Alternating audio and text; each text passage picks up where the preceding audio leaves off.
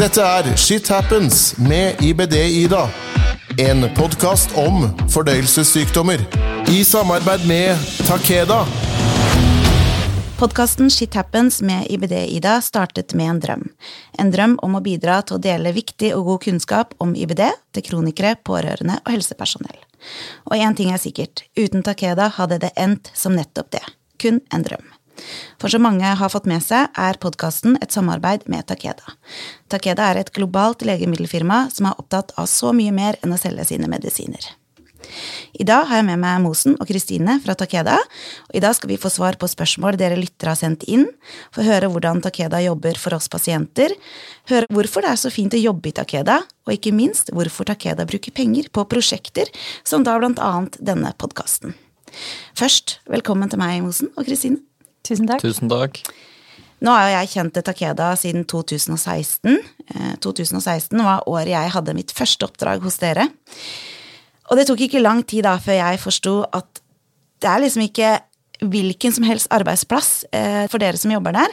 Det er rett og slett mennesker som har en enorm drivkraft og med stort ønske om å hjelpe pasienter som jobber der, rett og slett. Jeg har lyst til å høre mer om hvem dere er. Eh, La oss starte med deg, Mosen. Fortell meg, hvem er du, og hvorfor har Takeda fått en så stor plass i hjertet ditt? Ja, jeg heter som sagt Mosen Sangani og jobber i dag som medisinsk sjef i Takeda i Norge. Jeg er gift og har to barn. Eh, Jeg er lege, eh, studert medisin her i Oslo. Eh, Takeda har en stor plass i mitt hjerte fordi det er virkelig et selskap som setter pasienten først. Og det har jeg vært vitne til gjennom mange prosjekter og ulike prosesser. Og det er utrolig behagelig å gå på jobb, i hvert fall for meg som en lege, og vite at det er eh, noe vi virkelig eh, setter høyt. Det andre er at Takeda er en fantastisk arbeidsplass. Altså, jeg må si Når det nærmer seg 11.30-12 og jeg skal ned til lunsj, så er det aldri at jeg tenker hvem er det jeg skal spise med, og er det noen der? Det er bare å gå ned i kantina, og det er alltid noen som du kan da bruke masse tid med. Kristine, over til deg. Hvem er du, og fortell eh, hvorfor denne jobben er viktig for deg. Ja, eh, jeg heter Kristine Andersen og er leder for Takeda i Norge. Har jobbet med gastro i mange år, eh, så jeg har jo et veldig stort hjerte for det du jobber med, Ida. Og har litt den samme tanken om Takeda som Mosen. Gir meg veldig mye mening å jobbe for og med pasienter. For å kunne bidra fra vår side til at eh, pasienter i Norge skal få et, eh, og ha et så godt liv som mulig. Bakgrunnen min er litt annerledes enn Mosen. Jeg har en bakgrunn innenfor markedsføring, strategi, har gått på BI. Eh, Men det er også et godt eksempel på hvordan eh, de menneskene som jobber i Takeda, har ulik kompetanse, ulike erfaringer, eh, og gjør at vi er et veldig godt team som jobber tett sammen. Kristine, kan ikke du fortelle oss litt sånn eh, kort om Takedas historie, da? Jo, og det er faktisk eh, ganske spennende. Takeda er et japansk selskap. eh, Og et gammelt selskap. Jeg tror det er et par år siden vi feira 240-årsjubileum, så det betyr at vi nærmer oss 250. Eh, Og det som kanskje gjør at Takeda skiller seg fra andre legemiddelfirmaer, er nettopp den japanske kulturarven. Og jeg vet ikke hvor mye du vet om japansk organisasjonsfilosofi, Ida. men- Veldig lite. Ja. Ja. Eh, den er veldig tuftet på verdier. Eh, og du kan si det er jo for så vidt alle eh, bedrifter, uansett hvilken bransje du jobber i. Men i et japansk selskap så er verdiene ekstremt viktige, og de er det forventa at man lever etter. Og en av de absolutt viktigste delene av den verdipakka er nettopp det som vi allerede har snakket om, at vi setter pasienten først. Og det betyr at når vi skal ta beslutninger i Takeda, enten det er stort eller smått mm. Jeg har mange eksempler fra ledergruppa. eh, Hvor vi har skulle ta en vanskelig beslutning, og da gjør vi det etter et prinsipp som vi kaller PTRB. Ja. Ehm, PTRB, det står for Patients, Trust, Reputation, Business. ja. Og for å ta det på norsk, da, så betyr det at helt praktisk, hvis vi skal ta en beslutning som kanskje er vanskelig, så spør vi oss sjøl først ok, er dette bra for pasientene? Det er P-en. Vil dette bidra til at de får det bedre? Hvis ja, så går vi videre. Bygger dette tillit? T-en, trust. Bygger det tillit i samfunnet? Og hvis ja, går vi videre til den neste, som er reputation. Omdømme. Vil dette bidra til at Takeda og bransjen i sin helhet, legemiddelbransjen, vil få et godt omdømme? Og hvis vi tikker av på alle de tre, så sier vi til slutt er dette bra for businessen? Og det er nok noe som, eh, som i hvert fall jeg føler meg veldig stolt av å være en del av. Og jeg tror mange har den eh, tanken at vi i legemiddelbransjen tenker business Ja, for først. det er det jeg skulle si, at eh, det er vel sånn at de fleste tenker motsatt. Eh, Ja. ja. Men jeg har mange eksempler på at vi har droppa å gjøre ting som kanskje kunne vært bra for businessen, men det oppfyller ikke de tre andre kravene. Og det gjør jo at både jeg og vi som jobber i Takeda i Norge, står veldig støtt i den innsatsen vi gjør, og den, den, det bidraget vi gjør tilbake til samfunnet. Spennende. Mosen, det er nok uh, mye som folk ikke vet om Takeda. Dette er jo en av eksemplene, jeg har ikke hørt noe om dette her før. Uh, en av de tingene er jo om hvordan dere bidrar med forskning og utvikling av legemidler. Fortell litt om det. Ja, det kan jeg gjøre. Altså, forskning og utvikling, det er liksom kjernen i Takeda. Vi skal eh, utvikle, eh, forhåpentligvis bringe medikamenter til markedet som da eh, gjør at pasientene kan leve bedre eller leve lengre. Det er liksom alfa og omega. I årlig, eh, nå skal jeg være litt forsiktig, men jeg, jeg, årlig så tror jeg vi bruker ca. 4-5 milliarder dollar eh, på forskning. Og det er alt fra da klinisk forskning, hvor vi altså tester medikamenter på mennesker, til mer da basalforskning, hvor vi da sitter i et laboratorium og uh, tester ut ting. Og eh, Takeda internt, der har vi da Japan og USA som våre to forskningssentre. I tillegg så er det mange andre land, men det er på en måte hubene våre når det gjelder forskning. I tillegg så hadde jo ikke vi kunnet gjøre det arbeidet vi gjør hvis vi ikke hadde samarbeidspartnere. Og med det så mener jeg da øh, altså sykehusene rundt omkring i verden, øh, leger, sykepleiere osv. Så, videre. så vi har jo et enormt godt samarbeid med disse sykehusene, for det er der faktisk øh, mye av forskningen foregår. Så er det jo slik at dette er en veldig lang prosess. Altså Hvis du er kjempeheldig og jobber med et uh, medikament da, som du håper å bringe til uh, markedet og til pasientene, så kan det faktisk ta 10-15 år. Og uh, kanskje en milliard kroner for at du faktisk kommer dit. Men sannheten er at faktisk 90-95 av disse produktene, de feiler. De når aldri markedet. Så dette er ikke for de som da Her må du tåle litt Ja. eh, for å kunne eh, være med. Men det som også er spennende, det er at eh, det vi har sett i Takeda, det er kanskje sånn også i andre selskaper, det er at man er veldig interessert i ideer og tanker som da legene, professorene, disse sykehusene har, som de kan spille inn til Takeda. Og et veldig godt eksempel på det har vi faktisk fra Rikshospitalet. Hvor da det var en, en par leger som hadde en idé i forhold til da eh, bruken av eh, et Takeda-medikament for en eh, indikasjon hvor det ikke var så mye behandling for. Ja. Og for jeg tror to-tre uker siden så ble da eh, dataene eh, for akkurat den ideen presentert. Og dette var en idé som oppsto for syv-åtte år siden. Ja. Eh, så, det bare viser at selv eh, vi i lille Norge kan eh, påvirke da hva slags global forskning Takeda driver med. Og det syns vi selvfølgelig er kjempespennende. Ja, så er det jo sånn at Legene er jo de som er på en måte førstehånds på altså De ser jo pasienten, og sånn, så er det klart at samarbeid er kjempeviktig. Absolutt. Dette her med, med studiene, hvordan gjøres disse studiene, da? Altså, eh, jeg tror vi veldig enkelt eh, kan dele i to deler. Vi har den eh, prekliniske delen, dvs. Si da tester du i et laboratorie, og det kan være på museforsøk osv. Når da du tenker at nå er dette produktet trygt og godt, så søker du, selvfølgelig. Det er ikke bare for Takeda å si nei, men nå vil vi over og få testet på mennesker.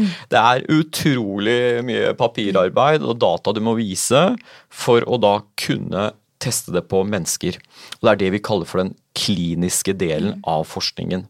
Den er ofte delt i fire faser, hvor da du i første fase sjekker er dette medikamentet trygt? Altså Du bryr deg ikke om det er effektivt eller ikke, men tåler man dette medikamentet? Så vil du da i fasene to og tre sjekke både igjen sikkerheten, og kanskje også vil du teste hvilken dose passer best, men ikke minst er det effektivt. Mm. Mm. Uh, og når du har gjort da fase tre, da har du brukt ca. ti år uh, når den er ferdig. Mm. Da, hvis det er bra data, så kan du søke da ulike myndigheter, om det er da Legemiddelverket i Norge, eller om det er FDA i USA eller EMA i Europa, og må da få kunne eh, ta dette produktet til markedet og la pasientene bruke det. Mm. Så det er Jeg kan nevne ett av studiene våre. Uh, den inkluderte ca. 1000 pasienter, men det var fordelt i 34 land ja. og 65 forskjellige sykehus. Mm. Så veldig mange av de store studiene for at du skal faktisk kunne bringe disse medikamentene til pasientene, så kreves det et enormt apparat, og vi er utrolig takknemlige for at vi kan samarbeide med altså, solide sentre mm. i Norge og i andre land for å faktisk kunne gjennomføre denne forskningen. Mm. Og jeg tenker sånn, det, det, er jo, det du forteller her, gir jo også en trygghet for meg som pasient da, å vite at den medisinen jeg får, det er ikke noe som bare har blitt uh, sopa sammen og gitt meg altså laga på en uke. Det her er snakk om en lang vei å gå. Uh, og så er det dette her med forskningsmiljøer. Kan jeg ikke fortelle litt om det òg, da? Tenker du internt i Takeda, ja, altså, eller? Ja, jeg tenker generelt. Også, det er jo sånn at uh, jeg regner med at uh, dette her er det å være i et forskningsmiljø Det er jo ikke hvem som helst som får plass der heller. Det er jo ikke Hvem er med? Hvem, hvem, hvordan fungerer dette? Altså, uh, Vi har jo en del interne folk uh, som gjør Som har ofte solid erfaring fra det miljøet de representerer, mm. som vi da vil ha internt hos oss. Mm. De sitter kanskje i Boston, eller så sitter de i Japan, eller så sitter de da i andre deler av verden. Mm. I tillegg, når vi da skal velge sykehus vi vil gjøre forskningssamarbeid med, så har det mye å si hva slags erfaring det sykehuset har. Altså, um, Har de erfaring innenfor det fagfeltet vi skal uh, forske på? Mm. Har de forskningserfaring? Har de den infrastrukturen som kreves? Mm. Uh, og Vi gjør en vurdering av det, og vi gjør også en vurdering sammen med sentrene. Uh, sånn at de også, for, for, vi er interessert i tilbakemelding fra de. Så i tillegg til at før vi i det hele tatt kan sette i gang en studie i Norge, selv om den er godkjent i USA eller Europa, så må også norske myndigheter godkjenne. En ting er at uh, vi har et uh, etisk komité som faktisk ser at det vi vil gjøre, mm. er ok. Altså sånn, Det er etisk forsvarlig, det vi skal drive med. Og så vil noen andre vurdere fagligheten av det. Så det er mange instanser som faktisk kan godkjenne. Det er mange som tror at vi kan i morgen bestemme oss for å gjøre en klinisk studie i Norge. Det kan vi ikke uten å ha vært gjennom disse myndighetsinstansene og fått godkjenning. Jeg vet jo, Mosen, at dere satser mye på IBD. Det er jo hovedårsaken til at jeg også ble kjent med Takeda. Mm. Eh, kan ikke du fortelle litt om dette terapiområdet, og hvorfor det er så viktig for dere? Altså dette gastrointestinalområdet vært eh, veldig mange år det største området vi jobber med. Det er vel det området vi bruker mest penger på i forhold til forskning, eh, prosjekter osv. Og, vi har eh, vært veldig fornøyd med det samarbeidet vi har fått til med de norske klinikerne mm. og forskningsmiljøene på en del av de ulike prosjektene som vi gjør. Så og ser vi litt frem i tid, men for Takeda sin del så er det ikke noe tvil om at vi har lyst til å være en eh, viktig aktør innenfor dette området også de neste 50 år. Mm. Uh, så ja, dette er et viktig område for oss. Mm. Og så sier jo dere da at dere setter pasientene i fokus hos dere i Takeda. Uh, jeg har opplevd det selv, men hva mener dere egentlig med det? Kristine? Ja, jeg var jo litt inne på det innledningsvis, mm. dette her med PTRB. Og at uh, når vi tar viktige beslutninger, så hjelper vi hverandre og minner hverandre om er dette bra for pasientene, mm. det vi nå er i ferd med å gjøre? Enten det er prosjekter eller store eh, valg på andre måter. Så det er kanskje det aller viktigste.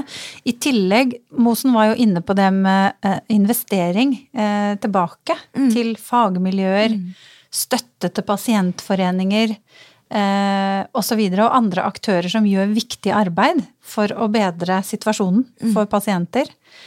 Eh, Så det er på en måte summen av alt det da, som jeg føler eh, eh, viser at vi har veldig stor fokus på pasientene. Men hvordan jobber dere med å forstå behovet til pasienten, da? For det er jo også spennende. Ja, og det er jo også en del av noen av de samarbeidsprosjektene at vi ønsker å lære mer og forstå mer. Eh, og som gjør at det er veldig viktig for oss å, å jobbe tett f.eks. med pasientforeningene. For å få tilbakemelding fra dem om hva er det pasienter med IBD har behov for. Hvor mangler vi f.eks. informasjon? Um, ja, så det er en kombinasjon av å jobbe med både fagmiljøene, som Mosen var inne på, og pasientforeningene. pasientforeningene. Og en av de, når du er inne på dette med å samarbeide med pasientforeninger, så er det jo mange ting dere har gjort, selvfølgelig, men en av de tinga som virkelig jeg vil si er en stor suksess, i hvert fall i mine og veldig mange andre IBD-pasienters øyne, er jo eh, et hjelpemiddel som heter IBD-info-appen. Eh, fortell litt om den, og hvorfor det er så viktig også å samarbeide om nettopp sånne prosjekter som dette. Ja, IBD-info-appen er eh, et veldig eh, spennende og morsomt prosjekt som vi har gjort eh, sammen med Pasientforeningen i Mage-tarm-forbundet. Du har vært med og testet den eh, og gitt oss tilbakemelding. Og litt av tanken bak den appen var jo det at vi ønsker å bidra sånn at pasienter på ett sted, på en plattform, kan få all informasjon man egentlig trenger eh, når man lever med IBD. Eh, også for pårørende. Eh, og i tillegg eh, kunne monitorere sy eh, symptomene man har eh, når man har IBD. Fordi vi vet jo alle hvordan det er når man har eh, 20 minutter hos legen sin. eh, at det er lett å glemme hvordan man har hatt det den siste måneden eller de siste tre månedene. Eh, og da gikk vi da inn i et prosjekt sammen med eh, leger, sykepleiere, pasientforening. Eh, og sammen satte oss ned rundt bordet og, og, og prøvde å finne ut hvordan kan vi lage et verktøy som, som eh, kan støtte mest mulig. Og den er jo helt eh, fantastisk eh, bra, og jeg håper bare flere og flere eh, tar seg på en måte tida til å virkelig eh, lære seg å bli kjent med. For det er jo som alle andre ting, det tar jo litt tid å finne ut av hva den er. Men det, det er virkelig et bra hjelpemiddel, både i forhold til legen din, men også i forhold til andre ting. Sånn som denne fantastiske dofinneren, som jeg må si er kanskje eh, Skal være med på å gjøre livet litt lettere da, for de med IBD som sliter med å komme seg ut, i hvert fall. Det er ofte en, en sterk redsel for det å ikke nå en do. Å ha den kontrollen med å vite at du i hvert fall vet hvor doen er, kan være med å bety mye. I tillegg til denne IBD-appen eh, så har dere gjort mye annet. Takeda gikk for noen år tilbake lenger enn kanskje noen kunne forestille seg i jobben med å virkelig forstå hvordan eh, det er å ha IBD. Dere laget et prosjekt som het eh, In Their Shoes. Et prosjekt som jeg selv var med på som både foredragsholder og motivator. Men fortell, hva gikk det inn på? Ja, Eller ut på, heter det faktisk. Ikke inn på, men ut på. Ja, In Their Shoes er et prosjekt som, som vi har gjort flere ganger, og som vi er veldig stolt av. Eh, kort fortalt så er det et eh, detaljert program som er satt opp sånn at pårørende, politikere, journalister, eh, folk flest kan være med og leve med IBD i to døgn. Det vil si at det er satt opp sånn at eh, du får påminnelser eh, på telefonen om ting som du skal gjøre. F.eks. nå får du så vondt i magen at du må legge deg ned på gulvet. Eh, og da oppleve det midt i et viktig jobbmøte. Det er jo hverdagen for pasienter Absolutt. som lever med IBD. Ja. Eh, måtte stå opp midt på natta for å gå på do flere ganger. Altså veldig konkrete eh, situasjoner som et menneske med IBD opplever hele tiden. Nettopp for å spre informasjon og kunnskap. Fordi dette prosjektet kom jo også ut fra tilbakemelding at her er det et mangel på kunnskap. Eh, pårørende vet ikke egentlig helt hva det er å leve med IBD. Det er vondt for pasientene eh, å skulle forklare, eh, og kanskje ikke alltid bli forstått. Politikere vet ikke helt hvordan det er eh, nødvendigvis å leve med en sykdom. Så det har vært et prosjekt som virkelig har kunnet eh, bidra veldig positivt til å spre kunnskap. Vi hadde jo med Tusvik og Tønne på, på det en gang, og da eh, hadde jo de mange eh, hva skal jeg si, mange morsomme, litt skråblikk da, på det å leve med IBD på sitt show. Ja, jeg, jeg snakka med de på forhånd, eh, og jeg må jo si at eh, de gjorde, en, de gjorde en bra jobb med både de, Og de levde jo seg virkelig inn i dette, og det er jo også forskjellen. Du kan eh, være med på denne Indias Shoes-reisen uten å legge sjela di det, men du kan også gjøre det 100% og gjør du det 100% da vil du også sitte igjen med veldig mye, tror jeg. For da forstår du eh, en sykdom på en helt annen måte. Um, Ja, og det var jo veldig mange hos oss internt også, i Takeda, som var med på det og har vært med på det flere ganger. Nettopp for å kunne kjenne på kroppen hvordan det er å leve med IBD. Og så må det jo være da ekstremt givende for dere å jobbe på denne måten, både Mosen og Kristine. Det må jo gi noe sånn ekstra godt. Jo, absolutt. Det gjør det. Ja. Og veldig spennende å få alle tilbakemeldingene på et sånn type prosjekt, og også andre. Det motiverer oss jo virkelig til å, å fortsette. Ja. Nå skal vi over til noe helt annet. Eh, Vi skal snakke om samvalg. Samvalg har jeg jo snakka mye om i det siste, nettopp fordi jeg mener at pasientene har krav på å være med på å bestemme over egen behandling, få god kunnskap og, og om både alternativer, om eh, bivirkninger osv. Dette er jo viktig nettopp fordi det er livene våre det er snakk om. Og dere i Takeda dere deler jo samme engasjement eh, rundt samvalg som meg, og samvalg er jo viktig for egentlig mer enn noen gang, av mange årsaker. Men om vi ser på f.eks. behandlingen for IBD for 20 år siden, da når jeg ble syk, så var det jo ganske begrensa. Mens nå i 2023 så har vi utrolig mange alternativer. Kristine, hvor delaktig bør pasienten være da, i egen behandling, tenker du? Jeg tenker jo litt sånn generelt. Altså for det første, eh, norske leger eh, er jo veldig godt informert om de behandlingsalternativene som fins. Og de kjenner jo deg som pasient. Og til syvende og sist så er det jo behandlende lege som har ansvaret for at du, Ida, skal ha den medisinen som passer best for deg. Men i det mylderet nå som etter hvert fins, særlig innenfor IBD, da, eh, med veldig mange ulike typer medikamenter, så tenker jeg jo kanskje at det er fint at man kan være med i diskusjonen. Eh, hvilke alternativer står jeg mellom? Er det forskjeller mellom de? Mm. hva kan jeg forvente? At man kanskje kan sette seg litt inn i de ulike alternativene. Og det savner jeg kanskje at det skulle vært litt mer fokus på. Mm. At det skal være en beslutning man kan få være med på. Men som sagt, til syvende og sist så er det jo helsepersonell som, som skal ta beslutningen. Men samtidig så tenker jeg at det er kjempeviktig at man har tilliten til legen. Men det er noe med det der å føle eierskap til sin egen helse, da. Og det å ha forståelse for eh, hvorfor man blir satt på den medisinen man blir satt på. Mosen, du må fortelle om noe som jeg tror mange ikke vet. Eh, Jeg får nemlig høre at jeg sikkert har blitt sponsa behandling av dere i Takeda. At jeg er på en måte et vandrende reklameskilt. Men sannheten er jo at dere har ikke lov til engang nevne deres egen medisin eh, for meg eller til andre pasienter. Fortell litt om det. Altså, vi jobber i kanskje et av de mest gjennomregulerte eh, bransjene som fins i verden. Og bare for å gjøre en lang historie kort. Vi har jo da uh, i Norge uh, regler fra Legemiddelverket uh, å forholde oss til. Og så har vi da regler av vår egen bransjeorganisasjon, LMI. I tillegg eh, så har vi da Takedas egne regler på hvordan de kan interagere med pasienter osv. Så, videre. så det gjør at, eh, som du nevner, vi kan ikke sponse din behandling. Vi kan ikke snakke med deg om behandling eller for så vidt andre pasienter. Eh, For det kan få faktisk store konsekvenser for oss eh, som eh, firma. Eh, Og jeg tror det er også riktig eh, at ikke vi har den dialogen. Det skal være mellom pasienten og legen.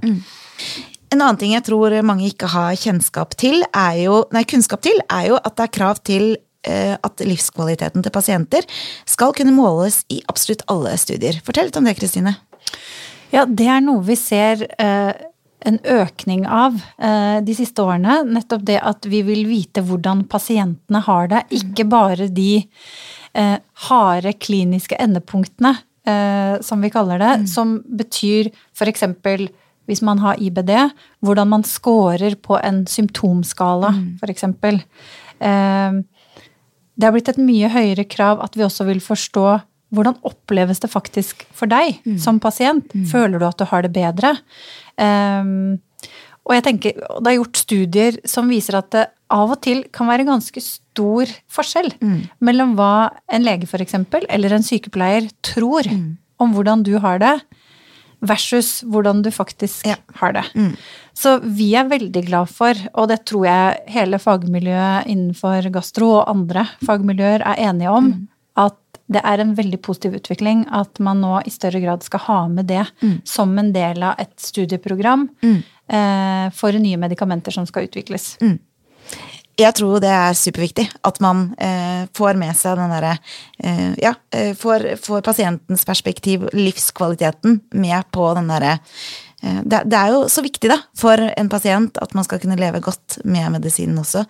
Jeg har lyst til å snakke litt om podkasten. Eh, jeg vet at det er mange spørsmål rundt den, eh, og da er det på sin plass å svare. Først kan jeg fortelle om denne drømmen eh, jeg hadde om å spre kunnskap til kronikere, pårørende og helsepersonell.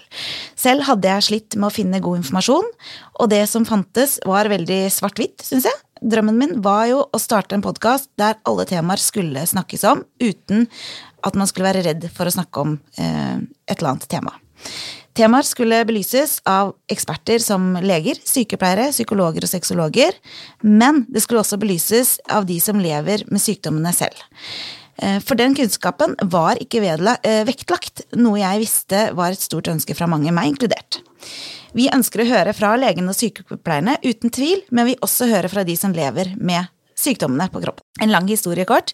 Jeg hadde da denne drømmen, så jeg måtte ha med meg noen for å kunne klare å få eh, til å bli en realitet. Og de jeg ønska å ha med, ha med meg, måtte også ha et engasjement som jeg selv hadde. Og de måtte også kunne bidra økonomisk, selvfølgelig, eh, for at vi skulle få dette til. Så en sein ettermiddag eh, sommeren 2019 så sendte jeg en mail til Kristine med skisse av min eh, drøm. Og jeg skal være helt ærlig, det var med en ekstrem redsel når jeg trykte på scenen. For det var følelsen av at jeg skulle forts enten fortsette med drømmen min, eller om jeg skulle legge den på hylla. Vi vet jo nå hvordan det hele gikk, for nå sitter vi her i 2023 med podkasten som vi har bygd opp sammen. Eh, Og det tok ikke lang tid heller fra jeg trykka send til jeg fikk en melding tilbake fra Kristine med et stort ja, og vi begynte jobben mot der vi er i dag. Kristine, hva tenkte du når du fikk mailen min? Åh, vet du hva, jeg ble så glad. Eh, Vi kjente jo deg litt fra før, Ida, da, fordi du hadde hjulpet oss i In Their Shoes. Så vi visste på en måte hva du er god for. Eh, Du er flink til å kommunisere, du er flink til å snakke om ting som kanskje er vanskelig å snakke om. Og samtidig så visste jo vi eh, at det var et stort behov for informasjon. Så det å få være med og bidra sånn at du kunne få denne plattformen, det var vi ikke i tvil om at vi skulle gjøre. Og det har jo vi lært ekstremt mye av, og jeg er veldig glad for at vi kunne få være med på den delen av reisen din. Hvorfor sa dere ja, da?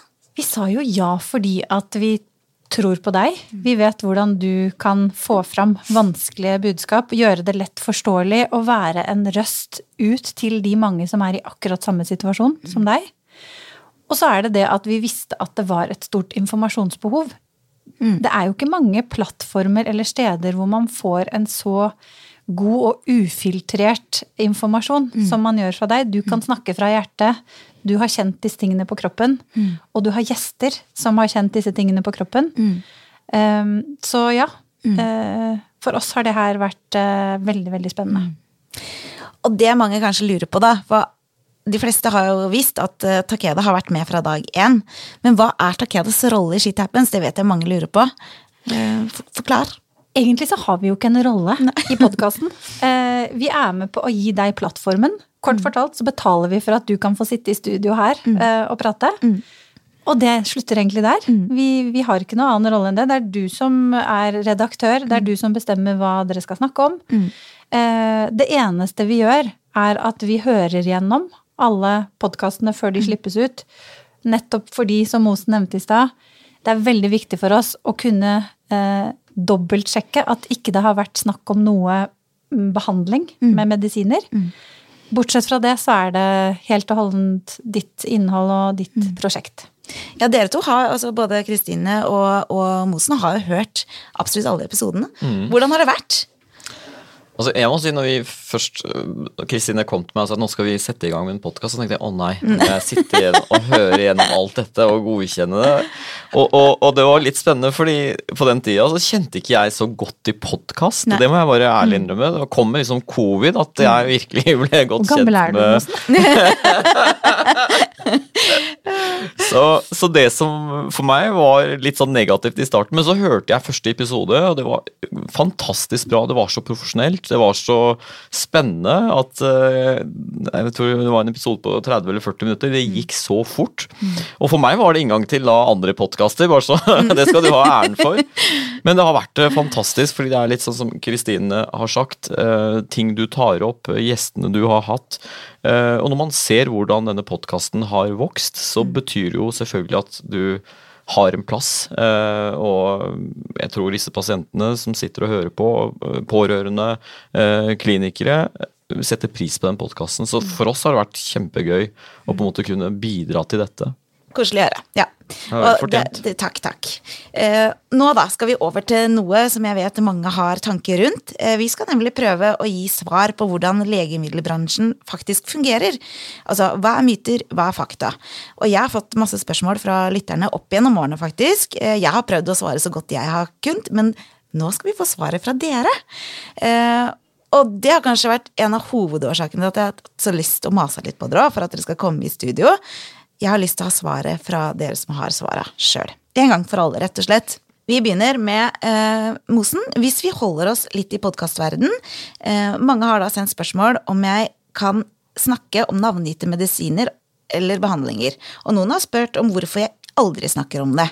Og det er det jo faktisk en grunn til. Fortell hvorfor. Ja, du har vært litt innom vi det var litt innom, Mm. innom det, alle disse reglene vi har. Så, det, det gjør at vi faktisk ikke har lov. Og det som Kristine sa, det er derfor også vi lytter gjennom, Mm. bare for å sjekke at det ikke nevnes medikamentnavn eller behandlinger osv. Så, videre. så det Mm. er eh, restriksjoner. Både Takeda internt og Mm. LMI osv. Så, videre, så ja, det er derfor. Ja, og så tenker jeg at det er jo egentlig en fin ting, fordi um, det viser jo også på en måte at man ehm, ved å ikke nevne noen medisiner, så er man heller ikke en reklameplakat og kan ikke på en måte bli eh, misforstått i, i, på den måten. Eh, fordi det vi prater om er generelt. Vi kan prate generelt om medisiner og behandlinger, men vi går ikke inn på noe som kan eh, bli tolka som at jeg sitter og er på en måte deres eh, nikkedokke. Noe jeg overhodet ikke er. Absolutt. Og jeg tror det, det er også noe Grunnen til at vi engasjerte oss, var for at dette skulle være mer sykdomsinformasjon. Eh, informasjon til da eh, pasienter, pårørende. Og derfor så er det veldig fint eh, at man ikke da mm, snakker om enkeltprodukter eller enkeltbehandlinger. Og så skal det jo sies at ingen er jo like, så den behandlinga som fungerer for meg, eh, trenger ikke å behandle eller virke for en annen. Og det gjør jo dette er jo å snakke om behandlinger veldig vanskelig. Eh, så det å overlate den biten til de som faktisk kan det, har gått mange år på skole for å gjøre det, det tenker jeg kan være lurt. Eh, Neste spørsmål. Eh, Kristine, den er til deg. Jeg har fått høre mye rart. Annet at et så stort firma som Takeda aldri hadde blitt med på noe uten å sitte igjen med noe selv. Så spørsmålet jeg fikk, var hvor mye av det jeg eventuelt tjener på podkast eller andre ting, eh, må jeg gi tilbake til Takeda? Ja, det er veldig lett å svare på. Ja. For det er null. Ingenting. Vi betaler som sagt for at du skal få sitte her i studio, mm. og det er det. Det er ikke sånn at eh, alt jeg gjør, så skal jeg på en måte gi dere prosentvis tilbake. Nei. Det er helt, helt feil, men det er jo fint at, at spørsmålet kommer opp, og at man kan få besvart det. Mosen, det sies at legemiddelbransjen holder tilbake negativ data om legemidler. Stemmer det? Altså Nå skal jeg snakke på vegne av Takeda. Ja. I eh, Takeda så eh, all klinisk forskning vi gjør, der skal data ut. Og det ser vi. Vi har hatt store studier hvor vi har feilet, og data kommer ut.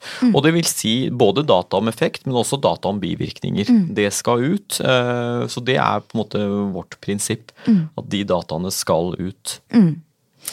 Er det 100 vellykkethet eh, på studier dere har gjort av nye legemidler? Du nevnte jo det også litt i sted. Ja, dessverre eh, så er det ikke det. Eh, Vi har, altså nylig, for bare jeg tror det var et år siden, så hadde vi et produkt innenfor onkologi som da feilet helt i den siste fasen. Mm. Hvor da dessverre vi ikke greide å vise bedre effekt enn placebo. Mm. Og det er trist, men det skjer, ja. Det, det, dessverre så skjer det. Hvordan oppleves det, da? Å faktisk feile i noe dere har hatt så troa på, eh, i forhold til det, dette her skal virkelig hjelpe noen til et bedre liv, og så bare bang. Altså, jeg tror man kan se på det på to altså internperspektiv. Eh, for oss så er det alltid veldig skuffende, for man har brukt masse tid, energi, ressurser. Eh, I verste konsekvens så kan det bety arbeidsplasser som da forsvinner Ja. fordi det ikke blir noe av produktet. Eksternt så tenker vi på pasientene. Fordi, eh, som Kristin nevnte, vi holder på en del innenfor sjeldne sykdommer. Eh, og der er det innimellom eh, behandlinger som vi håper å komme som da på tilstander som ikke fins behandling for, eller det var 30 år siden det skjedde noe. Så vi merker liksom allerede fra tidlig fase pasienter, pårørende som ringer oss og stopper oss på kongresser. Og, og det å liksom da sende ut en pressemelding og si at vet du hva, denne feilet, det, det er litt tøft. Ja. Fordi du vet hvor mange pasienter er ute, pårørende, foreldre med små barn som da tenker åh, søren. Det er det var håpet, liksom det sant? Håpet, Ja. og det bare forsvinner. Og vi har til og med noen ganger fått av eh, pårørende som Men kan ikke bare vi prøve? Ja. Uh, og det blir veldig vanskelig når vi ikke har gode data. Ja. Mm. Eh, det er, hadde vært uetisk. Så det er vel den største uh, hva skal jeg si ulempen ved at Mm. vi feiler, er det håpet som forsvinner for en hel del pasienter. Det skjønner jeg virkelig. Kristine, det sies at legemiddelbransjen eh, betaler store summer eller gir dyre gaver i form av bestikkelser mot positive resultater eh, i forhold til legemidler som da testes ut. Stemmer det? Nei, det gjør jo ikke det. Eh, nå har jo Mosen forklart veldig mange ganger hvor gjennomregulert denne bransjen er. Eh, og en av de tingene som er regulert, er nettopp det. Vi har ikke lov til å gi noen gaver i noen form til noen, er vel kortversjonen. Så det skjer ikke.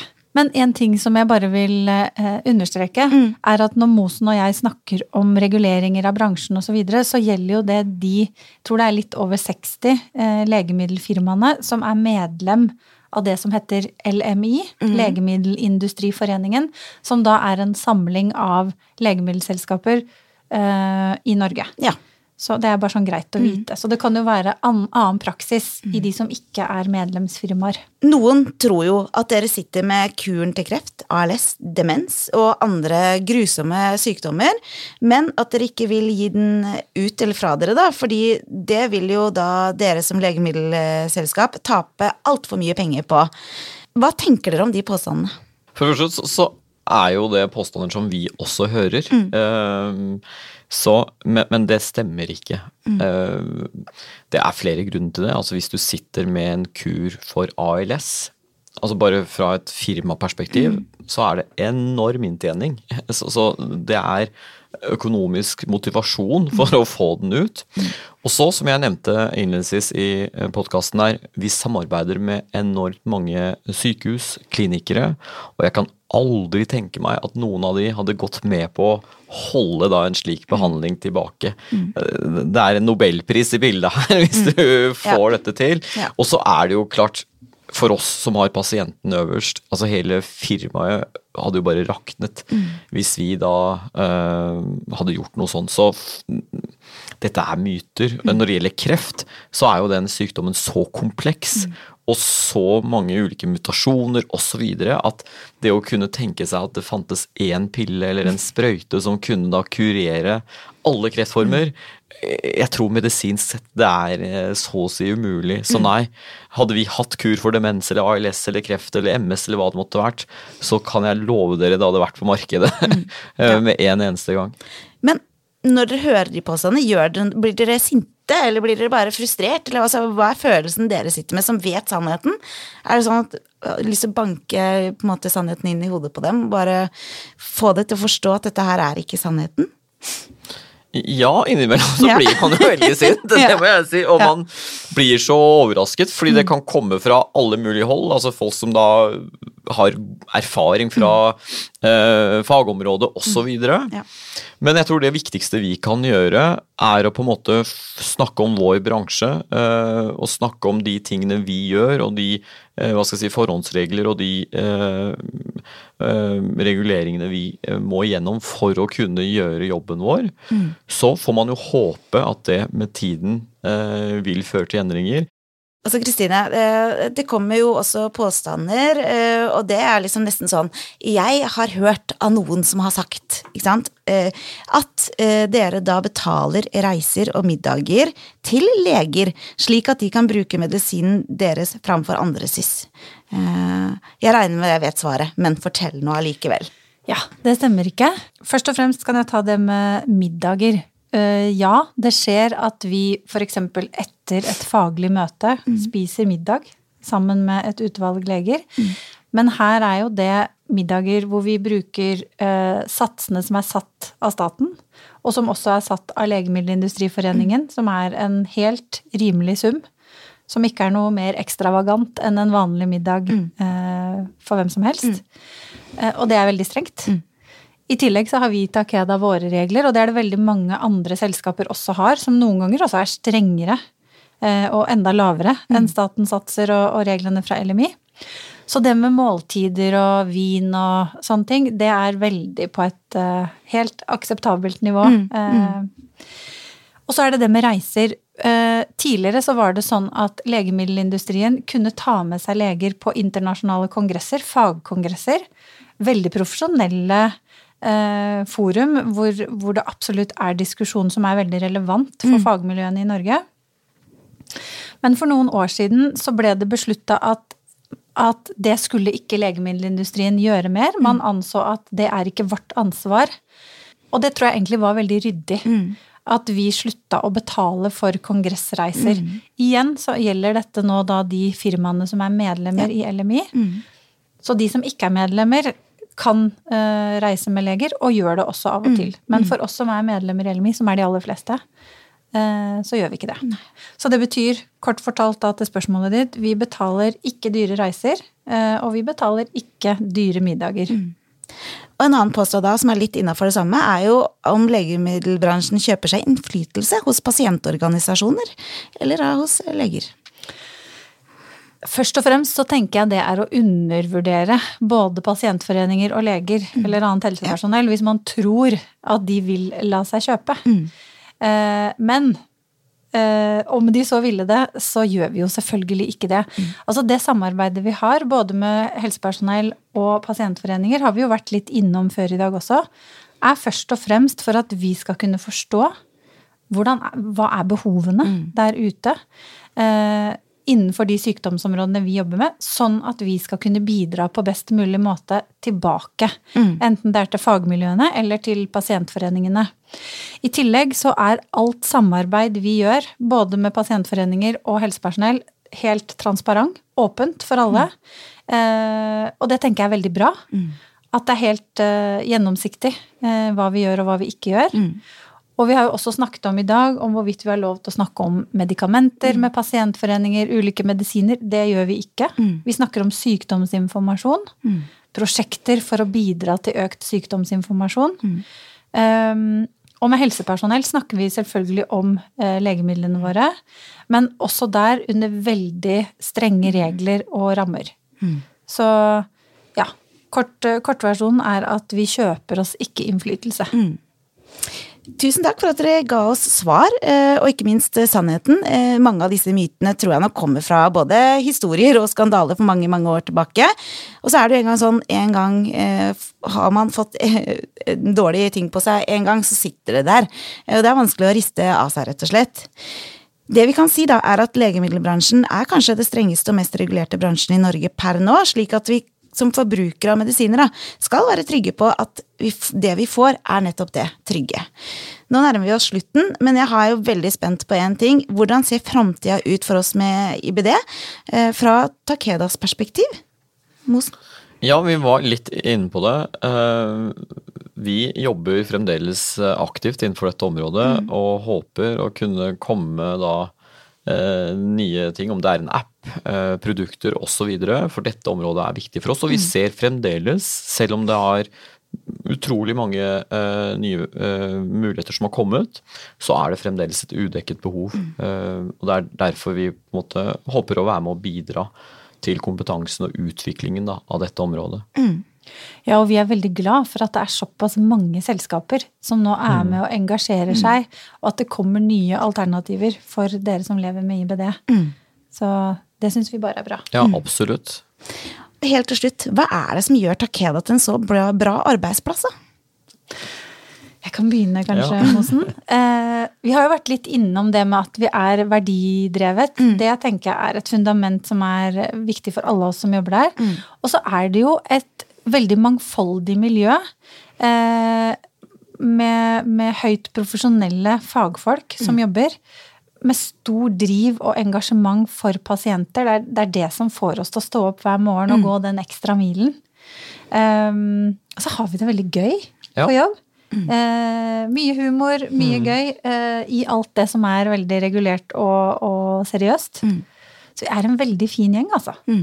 Ja, jeg er helt enig. Så det er folka, eh, primært. eh, I tillegg til alle de tingene vi har vært, eh, snakket litt om, så er det de menneskene man jobber sammen med. Og vi har det veldig gøy på jobb. Eh, Så ja.